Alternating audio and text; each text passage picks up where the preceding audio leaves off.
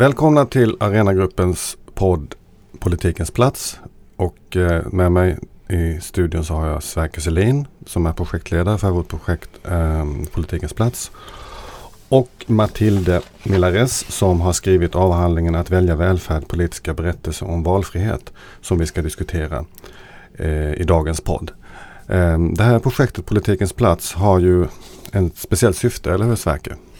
Ja, eh, vi har eh, funderat rätt mycket på hur, vad som har hänt med politiken under senare år eller årtionden och sett en eh, tendens på en del områden till vad man kunde kalla för avpolitisering.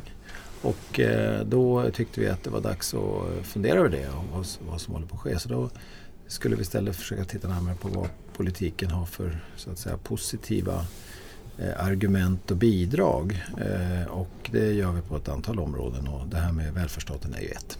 Precis. Och då glömde jag presentera mig själv. Jag heter Håkan Bengtsson och ska försöka moderera det här samtalet.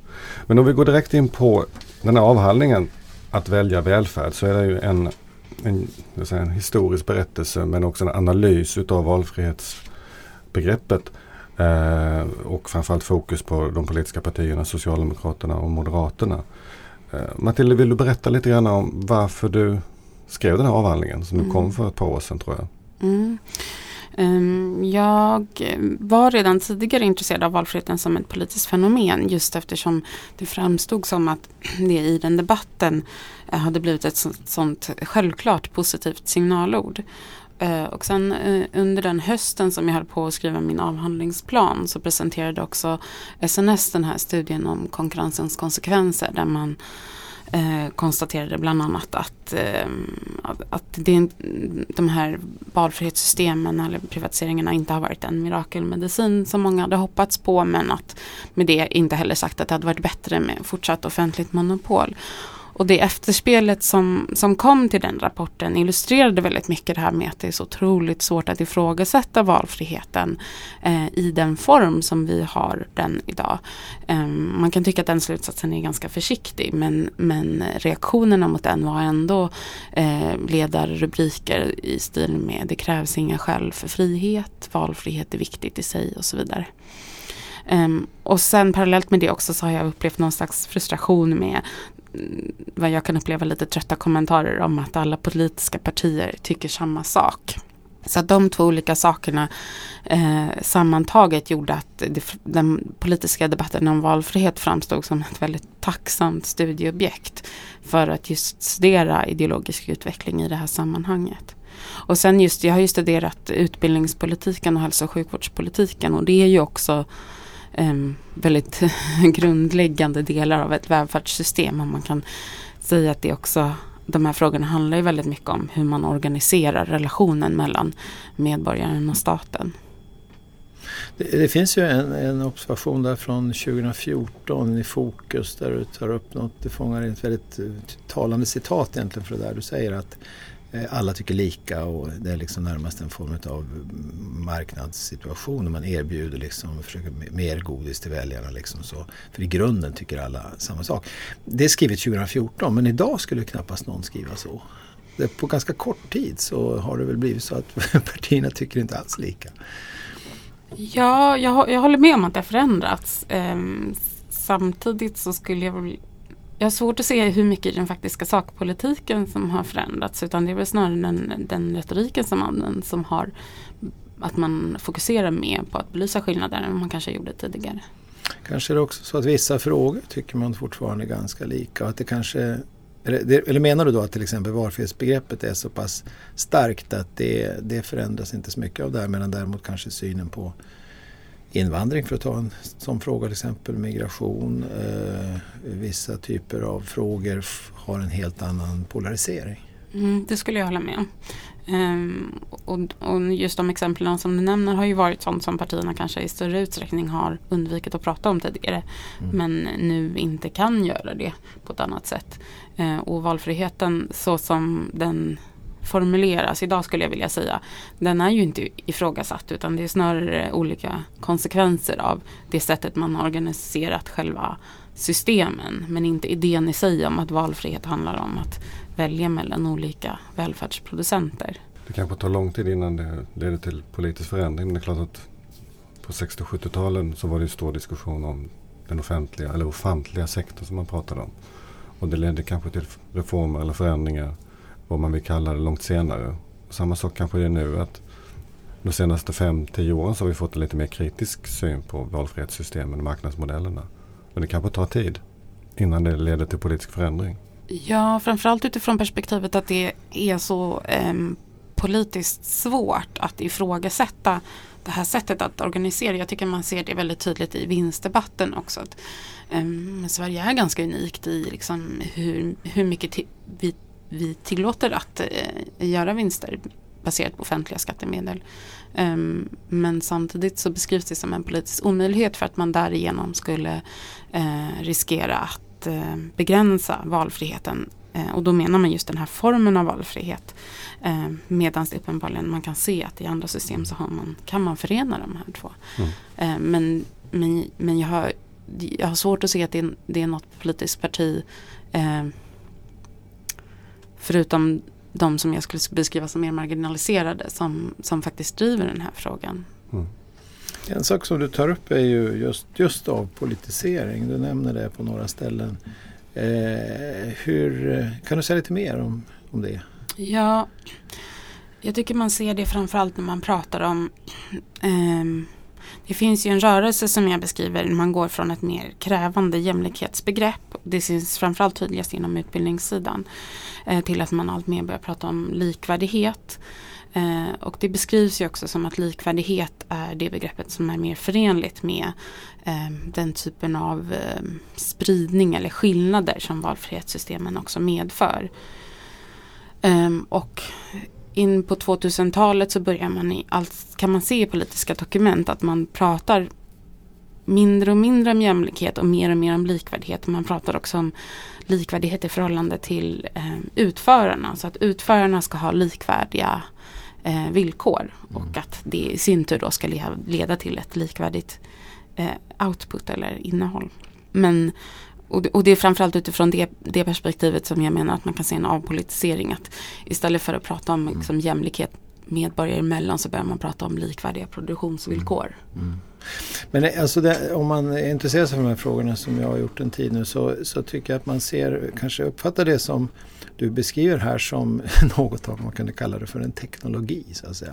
Det, de, sådana här system för att erbjuda eh, välfärdstjänster som i det här fallet då, de, de, de organiseras så att man ska eh, kunna göra på det här sättet. Alltså det framstår som en, en, en metod för att, eh, för att förändra någonting från ett eh, kanske mer värderingsstyrt och till exempel jämlikhetsorienterat eh, system till ett, till ett mer eh, ska säga, marknadsliknande kunde man säga. Så min syn på det där är väl att det, det liksom är, är så att säga en, en effekt av en, en sorts teknologisering av, av det hela. Så bygger man upp det kring vissa, till exempel i alla fall ganska förenklad eh, idé om vad frihet är som är lätt att förstå. Det finns ju helt andra frihetsbegrepp som är betydligt mer liksom sofistikerade och kräver några fler meningar för att förklaras. Liksom. Och att det, det på det sättet eh, är en eh, eh, Ja, kanske inte så väldigt mycket att förvånas över. Men när man då Eh, får ett utfall som liksom inte riktigt passar in, till exempel på skolområdet nu när man ser en ökad segregation, det är liksom ett utfallsmått som är obehagligt för den här teknologin så att säga. Då får, uppstår ändå angreppspunkter för de som vill kritisera systemet som till slut måste kanske handla om valfriheten i sig, liksom om valfrihetens gränser, liksom om, om dess konsekvenser kan bli allvarliga. Eh, hur, hur ser du på det? Jag, jag, tänker å ena sidan så känner jag igen mig i den beskrivning du gör, att det handlar mer om teknik teknikaliteter. Eh, samtidigt så tänker jag att det är viktigt att ha den bakgrunden med sig också. Att det faktum att, att de liksom politiska huvudmotståndarna numera eh, argumenterar kring teknikaliteter och inte kring vad man faktiskt vill att valfriheten ska betyda är väldigt talande för den politiska och den ideologiska utvecklingen. Eh, för att man har gått från att Socialdemokraterna ändå har förespråkat en annan typ av valfrihet som förutsätter andra typer av insatser och en annan syn på vad samhället måste garantera medborgarna innan man kan prata om valfrihet. Och det här du nämner om att, att vissa utfall av valfriheten då kanske inte är de önskvärda. Det ligger ju lite i det ligger lite i den, den, här, den här formen av valfrihet när man pratar om valfrihet mellan aktörer. Poängen med det är ju att eh, konkurrensen ska skapa bättre kvalitet och det innebär att det kommer finnas bättre och sämre skolor att välja mellan. Över tid så ska det leda till bättre kvalitet överlag men vid ett givet tillfälle så kommer vissa barn få sämre utbildning och vissa barn få bättre utbildning.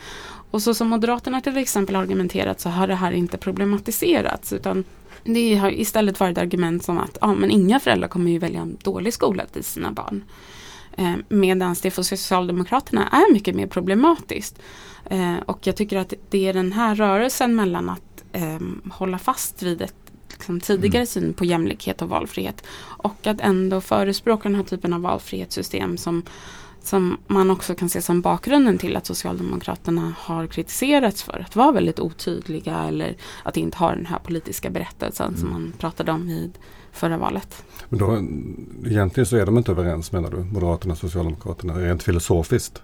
I debatten låter det så att alla är för valfrihet men du menar att det finns en ideologisk skillnad som inte är synliggjord? Ja, och, och, när det gäller Socialdemokraterna så tänker jag att den, det är ju hela tiden en, en, en så att säga slitning.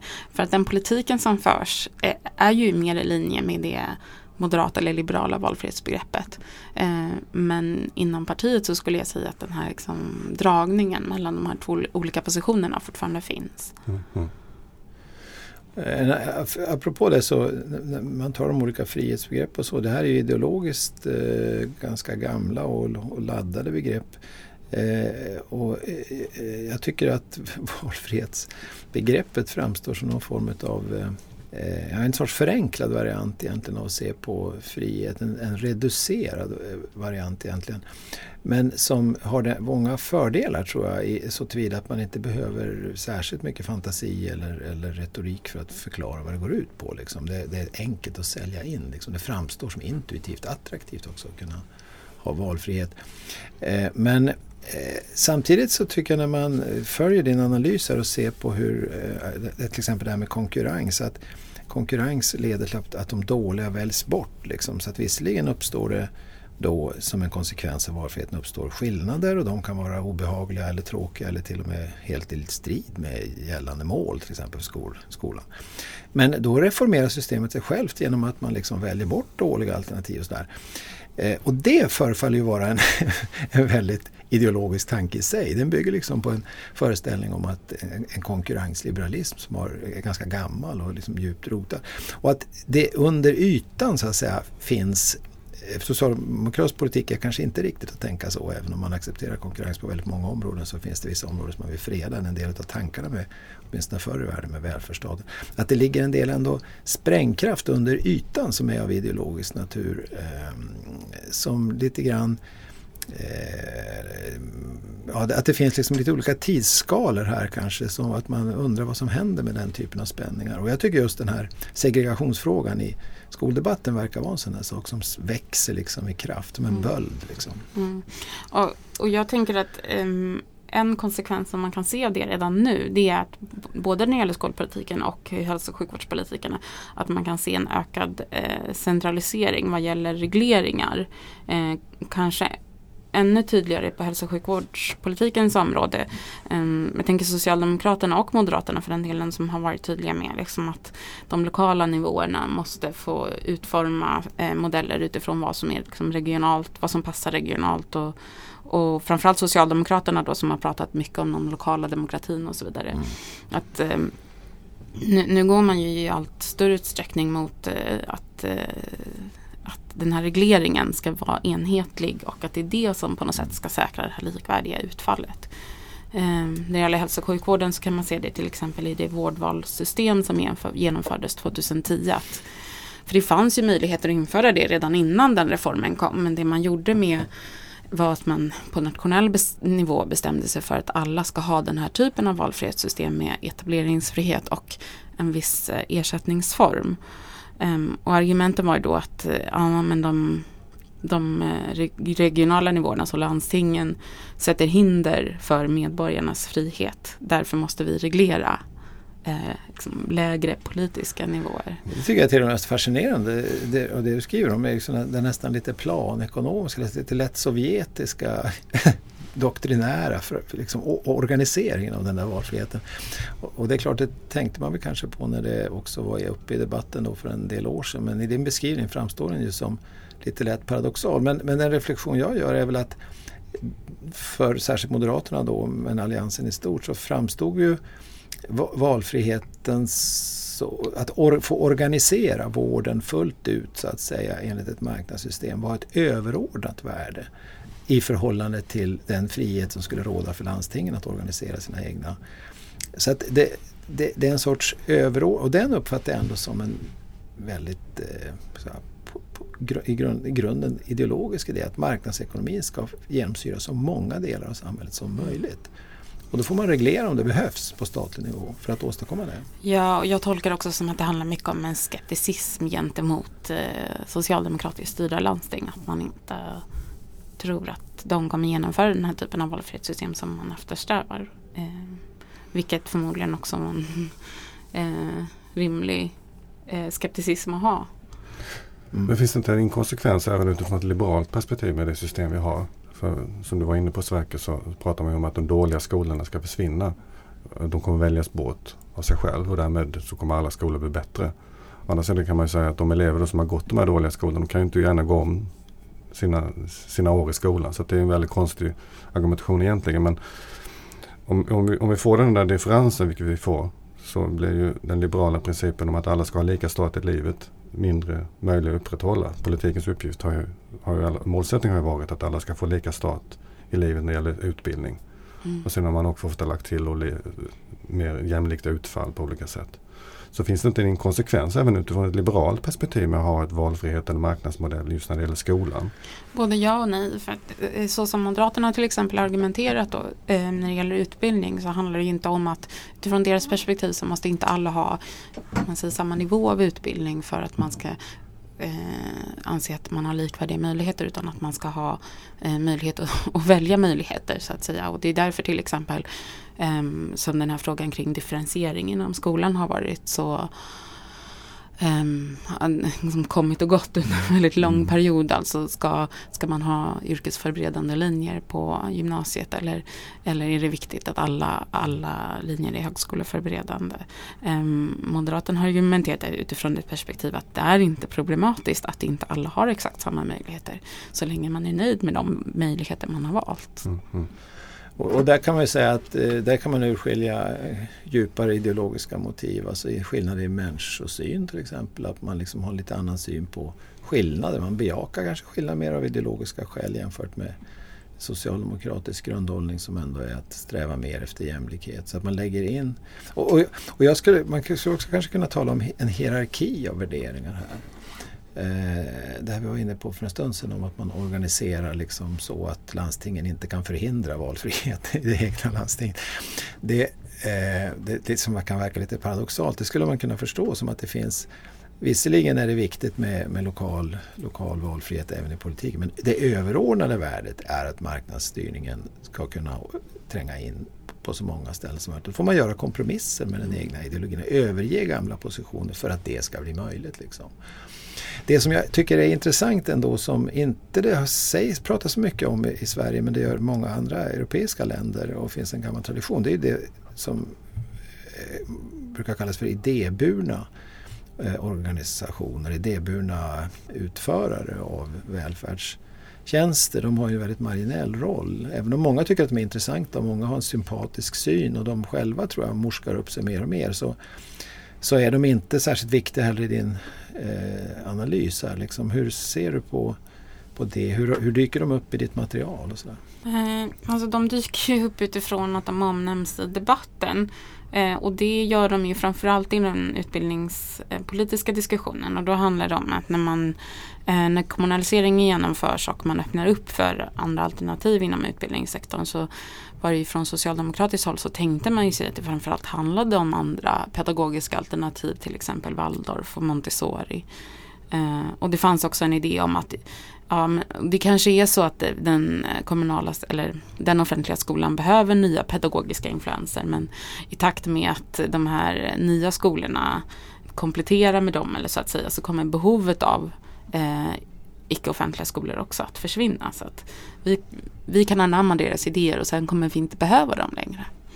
Eh, och, och sen visade sig utvecklingen vara någonting helt annat. Mm. Eh, men det finns ju en, en, en, en, tydlig medvetenhet också kring det eh, bland socialdemokrater att när man öppnade upp för friskolor så var det just eh, vinst, icke vinstdrivande eh, kooperativ, alltså den typen av, av, organisationer som man hade tänkt sig, inte de här jättebolagen. Man underskattade marknadens styrka mm. på det här området helt enkelt. Mm. Får jag ställa en fråga, allmän filosofisk fråga. Nu har ju det här valfrihets, valfrihetssystemet satt sig, det vill säga många är vana vid det. Å andra sidan så är det en diskussion om de avigsidor som finns. Finns det någon modell för att förena någon form av valfrihet med eh, jämlikhet på det här området? Går det överhuvudtaget? Jag tänker att man först måste definiera vad man menar med valfrihet i så fall. Mm. Eh, för eh, den formen av valfrihet som, som Socialdemokraterna förordade på 60, 70, början av 80-talet. Eh, den förutsatte ju jämlikhet. Eh, man pratade om att, att en viss nivå av eh, som man kan kalla för materiellt innehåll av välfärd måste vara uppnådd eh, på ett jämlikt sätt innan man kan prata om valfrihet.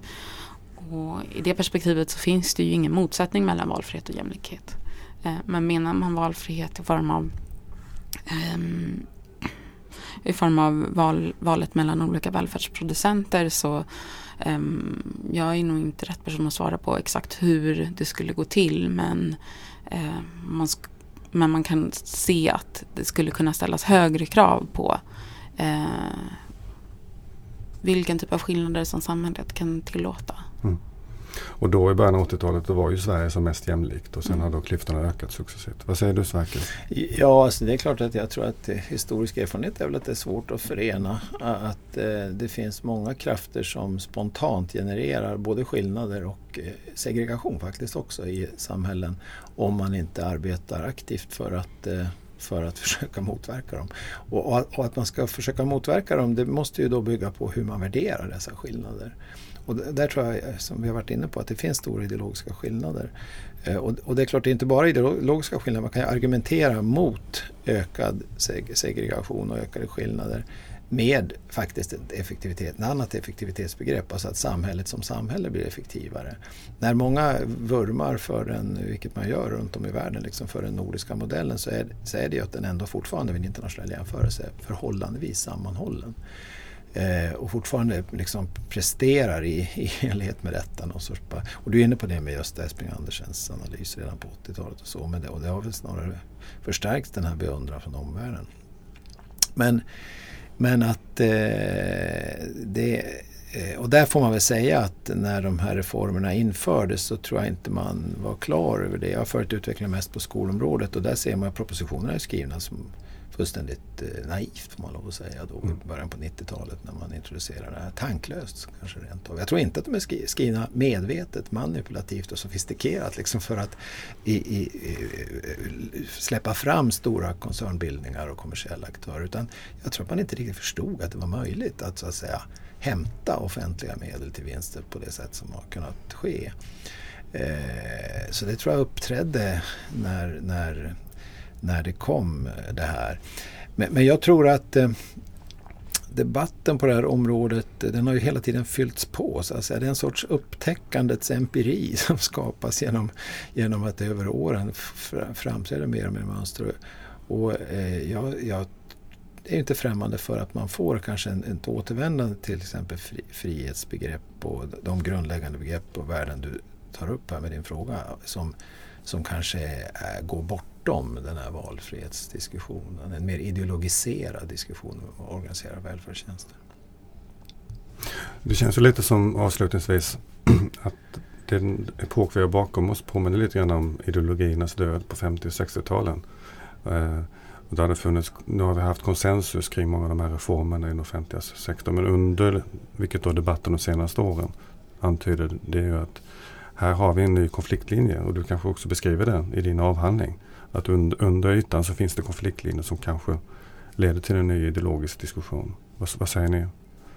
Jag får jag bolla vidare till dig Matilda genom att förlänga frågan med en sak som jag tänkte på när jag läste din avhandling. Att, eh, det är, eh, du pratade lite grann om forskningsläget och så. Alltså, vad, vad finns det för kunskapsbehov? För att jag uppfattar ändå att din avhandling är en av ganska få som tar så att säga tjuren vid hornen här och verkligen brottas med de här eh, fenomenen kring valfrihet och så. Eh, mycket forskning handlar om helt andra saker. Men, eh, och du, du, klagar lite grann kanske kan man nästan säga över att bristen på, på analyser av politisk idéutveckling. Det är mycket länge sedan Herbert Tingstens socialdemokratins idéutveckling och sånt där.